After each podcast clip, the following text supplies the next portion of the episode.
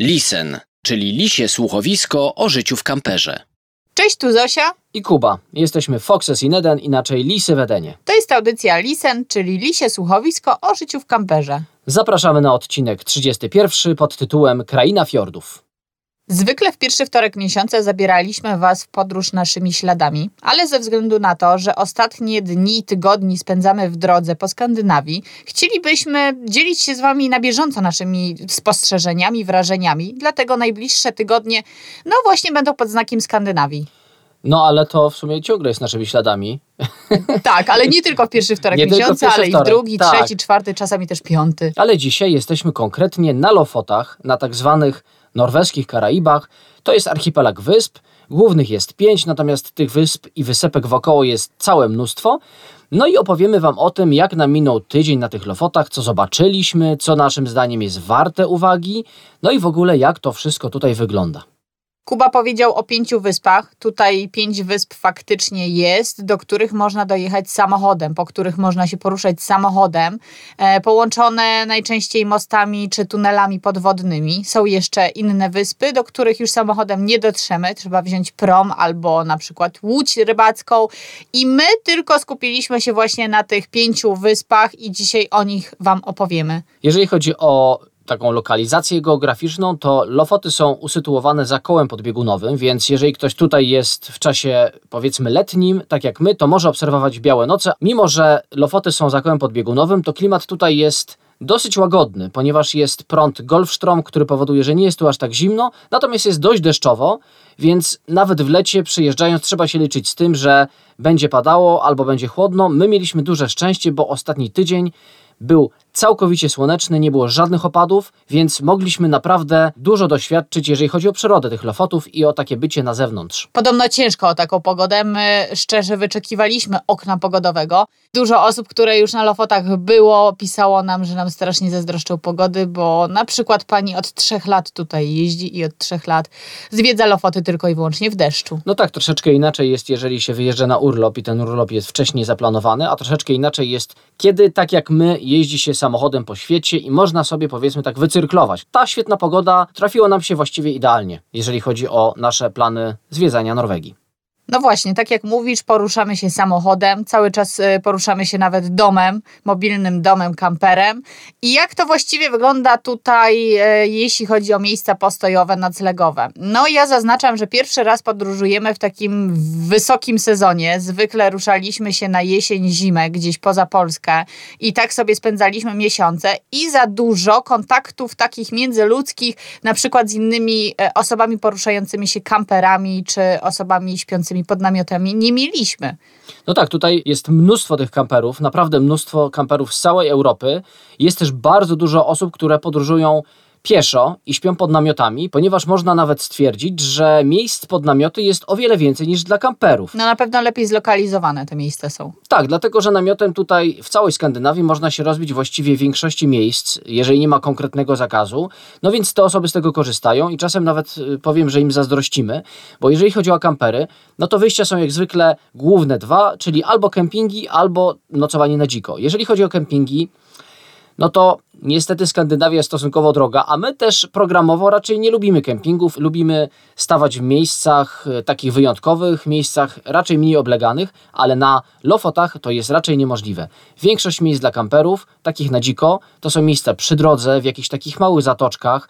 Ciężko jest odjechać od tej drogi, no bo tutaj y, w górę strzelają ostre skały, o których jeszcze poopowiadamy troszeczkę, no więc jesteśmy zmuszeni stawać w takich zatłoczonych, przydrożnych miejscach. No tak, takich dróżek pobocznych za bardzo nie ma, nie są zbudowane, nie są wyznaczone. Albo są E, prywatne, albo są w jakichś miasteczkach, osiedlach, no. Dokładnie, a długa jedna droga między wyspami ma 170 km i właśnie co jakiś czas ze względu na to, że ona jest dość wąska, co jakiś czas e, są takie poszerzenia i one są po pierwsze trochę do wymijania, a po drugie też zauważyliśmy, że tam już legalnie kampery i inne e, pojazdy się zatrzymują. Raz stanęliśmy na przykład w takim miejscu, na takiej naprawdę niewielkiej wysepce między dwoma mostami i rano zastukano do nas, nie ze złością, a zresztą zastukał do nas Polak, który okazało się tam pracował i musieli traktorem wjeżdżać, więc musieliśmy się przestawić. Także nawet takie sytuacje się zdarzają, ale one no przynajmniej dla nas nie łączyły się z niczym jakimś niefajnym, niebezpiecznym. Po prostu trzeba było się przeparkować.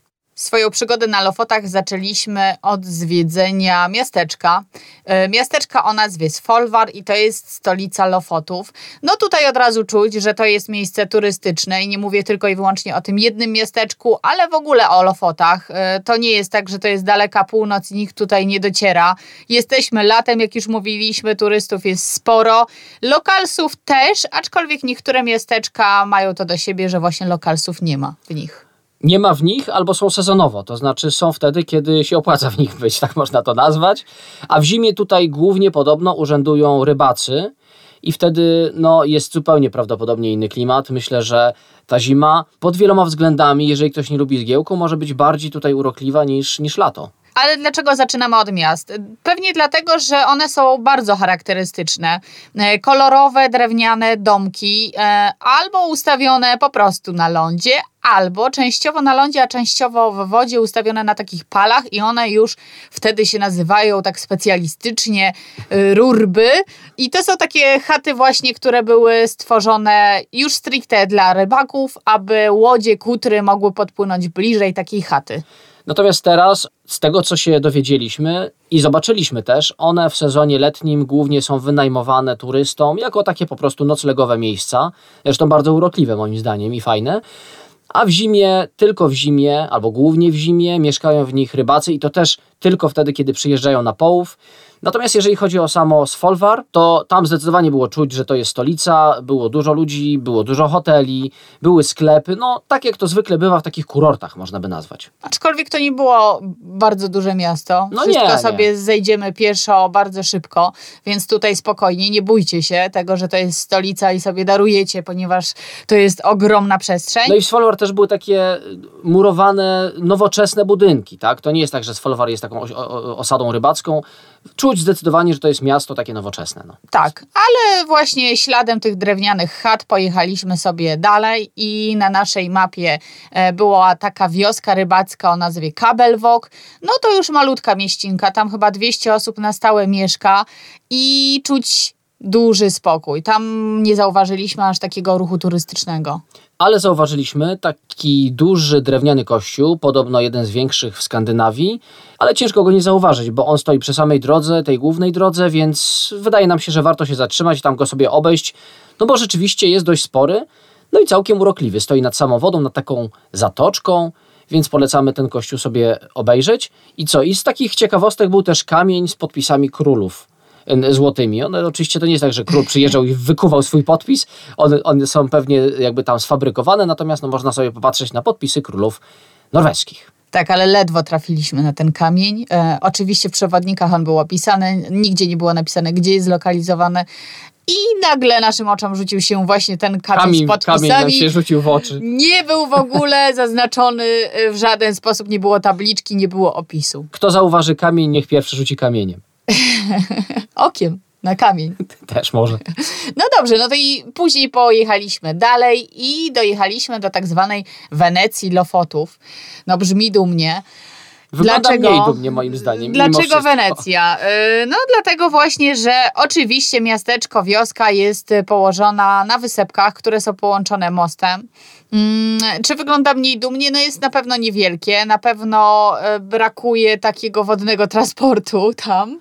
No tak, bo jest tylko jeden taki most, którym można się przejść, właściwie, przejechać też, ale głównie no, tam jakby ludzie chodzą.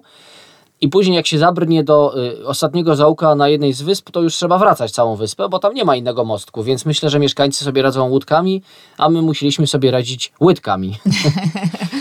Tak, no i tutaj to miasteczko akurat było bardziej urokliwe już e, niż Sfolwar, jeżeli chodzi o architekturę. Dużo więcej właśnie tych drewnianych budynków, dużo bardziej przypominała ta wioska, wioskę rybacką, niż e, takie małe miasteczko. Jest taki jeden główny kanał, można powiedzieć, Kanal Grande, prawie że. Natomiast takich ciekawostek jeszcze odróżniających to miasto od innych, chociaż nie wszystkich, jak się okazuje, to jest boisko takie piłkarskie boisko, usytuowane dość ciekawie, bo na samym końcu wyspy z widokiem na morze. Nietypowe miejsce. Jeżeli ktoś ma dron, to myślę, że z pewnością bardzo ładne ujęcie tam by mógł zrobić. Aczkolwiek jak doszliśmy, to oczekiwania versus rzeczywistość tutaj e, wyszło na jaw i mnie aż tak bardzo nie powaliło to boisko. No ja myślę, że to właśnie te widoki z góry są o wiele ciekawsze, bo wtedy widzimy kontekst. A tak to po prostu się widzi boisko, kamienie i gdzieś tam w tle morze. Ale na górę zaraz z nami jeszcze wejdziecie. Polecamy jeszcze okolice miasta Hamnej. Tam na przykład trafiliśmy na suszone głowy dorszy. A no właśnie, ponieważ suszony dorsz to jest tutaj regionalny specjał, można tak powiedzieć. Chyba wszyscy się trudnią suszeniem tego dorsza. Setki takich drewnianych konstrukcji, na których wiszą te ryby, można zaobserwować. My widzieliśmy w większości puste te konstrukcje, ale właśnie na jednej z wysp trafiliśmy na pełne konstrukcje, pełne głów. Wyglądały dość makabrycznie, bo to naprawdę są tysiące takich ususzonych, jak z horroru, rybich y, łbów. No filmowo właśnie, nie wiem czy aż tak makabrycznie. No jeszcze był taki dźwięk, bo one się obijały na wietrze o siebie, taki suchy odgłos takich czaszek. No dla mnie to jednak jest dobra sceneria do jakiegoś dreszczowca. No tak, tak. I zapach też niezły jak na dreszczowiec, bo czuć te ryby. Faktycznie tutaj mieszkańcy raczej na tym głównie zarabiają. Głownie. Głownie również. Podobno, tak można wyczytać, w momencie, gdy pyta się lokalsa o zapach tych ryb, czy mu nie przeszkadza, no to tutaj Norwegowie mówią, że to nie jest zapach ryby, to jest zapach pieniędzy, a pieniądze nie śmierdzą. No, Norwegowie widzę znają łacinę, bo to jest łacińskie. Chyba rzymskie nawet. Jeżeli chodzi o te głowy, to one podobno są sprzedawane do Afryki, bo w Afryce robi się z nich jakąś Regionalny przysmak. regionalną zupę, regionalny przysmak, natomiast reszta tego suszonego dorsza, czyli no, to takie mięso właściwe, jest przysmakiem lofotowym. Oczywiście, my nawet mieliśmy okazję spróbować takiego suszonego dorsza. One się dzielą na suszonego dorsza solonego, suszonego dorsza niesolonego e, i udało nam się spróbować obu wersji. Ja jadłam taką rybę w sosie pomidorowym z przyprawami portugalskimi. To akurat e, jest taka potrawa, która się nazywa bacalao i ona jest nawet w Portugalii i w Brazylii dość popularna, no ale tutaj była z lokalnym dorszem. A ja jadłem dorsza w stylu tradycyjnym i to był taki dorsz, cały fragment mięsa, taki filet na warzywach z sosem takim musztardowym trochę. I co było tutaj istotne i podkreślone nawet w menu, tam było masło boczkowe. To znaczy było dość dużo boczku na tej rybie i to jest dość ciekawe połączenie. No mi to bardzo smakowało, spróbowałam. Nie pomyślałabym nigdy, że można boczek połączyć z filetem rybnym, a teraz myślę, że się zainspirowałam i chciałabym już mieć taką rybkę na patelni, żeby móc połączyć te dwa smaki. No ale to myślę, że to powinien być jednak suszony dorsz, bo myślę, że nie każda ryba by z takim boczkiem dobrze smakowała. A tego nie wiem. Ale właśnie, suszony dorsz musi być moczony, żeby móc go później skonsumować. To nie jest tak, że my takiego suszonego dorsza otrzymaliśmy polanego boczkiem i chrupaliśmy. Jak już jesteśmy przy rybach, czyli przy wodzie, no to nie można nie wspomnieć, będąc na Lofotach, o plażach, albo nie można ich nie odwiedzić, bo wbrew temu, co się może wydawać, to jest surowy klimat, ale plaże są przepiękne i jak się trafi pogoda, to nawet widzieliśmy osoby, które sobie normalnie pływały w tej wodzie, która podobno ma maksimum 10 stopni. Tak, widzieliśmy osoby, które normalnie jak w lato korzystały z wody, widzieliśmy też surferów, ponieważ te plaże są naprawdę takie długie i dość płytkie na początku. My nie korzystaliśmy z wody, nie pływaliśmy, nie jesteśmy aż tak odważni, nie morsujemy. Wiem, że w Polsce taka moda nastąpiła zimą, ale nas to trochę ominęło, Ale bo byliśmy lato, poza Polską. lato się nie morsuje, więc nie ale morsujemy. temperatura wody jest tutaj taka jak u nas e, zimą. Plaże mają piękny, drobny, jasny piasek. Siedząc na plaży możemy patrzeć na te skaliste szczyty, także no naprawdę na taką plażę warto się wybrać, chociażby na spacer. albo na randkę, bo jest na przykład też taka plaża, która przez The Times w 2010 roku została uznana za najbardziej romantyczną plażę na świecie. Ja nie wiem, jak to się ocenia do końca, czy się na przykład idzie z partnerką i, i patrzy się, jak, jak silny romantyzm się wyzwala w ludziach. Może zadaje się pytanie ludziom, na jakiej plaży, e, mężczyznom, na jakiej plaży oświadczyli się swojej partnerce i na przykład najwięcej oświadczeń było na plaży Utta Kleif. A jakie pytanie się zadaje kobietom? Czy powiedziały tak, czy nie? Aha, no to, no to na tamtej plaży być może dużo osób powiedziało tak, bo widzieliśmy nawet takie serca z kamienia jako symbol miłości. Jedno serce było ułożone z kamieni na ziemi, a drugie było, no powiedzmy, jak taka Rzeźbą. rzeźba, to znaczy kamień w kształcie, nie to, że wykuty, tylko taki naturalnie uformowany, prawie jak serduszko, był osadzony na innym kamieniu. Jeżeli chodzi o wstęp na plażę, to większość jest normalnie ogólnie dostępna, natomiast oczywiście, skoro plaża jest uznana przez The Times, no to ta plaża Utta Kleif jest płatna, żeby tam wjechać i się zatrzymać samochodem, kamperem, albo wręcz pospać sobie pod namiotem, trzeba płacić. No właśnie, dlatego my nie zatrzymaliśmy się na tej plaży, a na plaży obok kamperem i sobie spędziliśmy bardzo miły czas, bardzo miłą noc, e, aczkolwiek plażę Utteklejf odwiedziliśmy. Z plaż z poziomu morza. Teraz przemieszczamy się wysoko nad poziom morza, albo stosunkowo wysoko, ponieważ jak ktoś trochę o Lofotach wie albo oglądał zdjęcia, to to pewnie kojarzy takie zdjęcia z góry. I to właśnie jest kolejny temat, który naszym zdaniem na Lofotach trzeba sprawdzić, czyli trekkingi, czyli chodzenie po tych górach. I wszystko, o czym wcześniej Wam dzisiaj opowiedzieliśmy, zobaczycie właśnie z tej góry, z lotu ptaka, bo i miasteczka, i te wysepki, i nawet tego suszonego dorsza można gdzieś tam dojrzeć. Można. No i oczywiście te bardzo długie plaże, ale żeby taki trekking sobie odbyć, to na pewno przygotujcie się na to, żeby zabrać z sobą bardzo dobre, wygodne buty, ponieważ my oczywiście mieliśmy dobrą pogodę, ale to się zdarza rzadko, często pada, często te szlaki są zabłocone i myślę, że warto zadbać o swoje nogi ale one są też dosyć strome, więc dlatego też te buty są istotne. Dopiero jak wejdziemy na szczyt, to się trochę wypłaszcza. Na przykład ja byłem zaskoczony, bo myślałem, że y, można sobie dobrać szlak do możliwości. Ja nie jestem jakimś mistrzem trekkingu, nie jestem sportowcem, a okazało się, że właściwie każdy szlak ma taki stromy fragment i na końcu człowiek się czuje naprawdę zmęczony.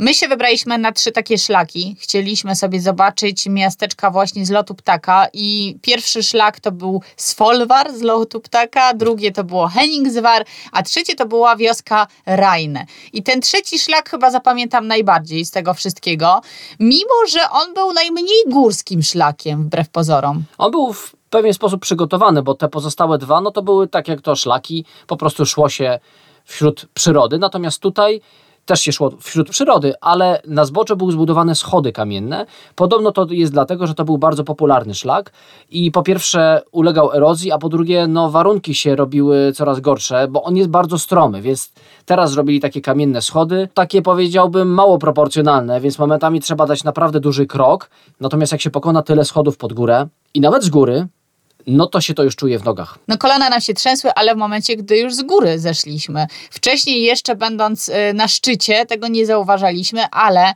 to jest wysokość 450 metrów i praktycznie od zera idziemy, więc przygotujcie się na y, dużo, dużo, dużo schodów. A jako nagrodę przygotujcie się na przepiękne widoki. Bo właśnie dopiero z takiego szczytu, dopiero jak wejdziemy na samą górę, widzimy bogactwo i piękno przyrody Lofotów.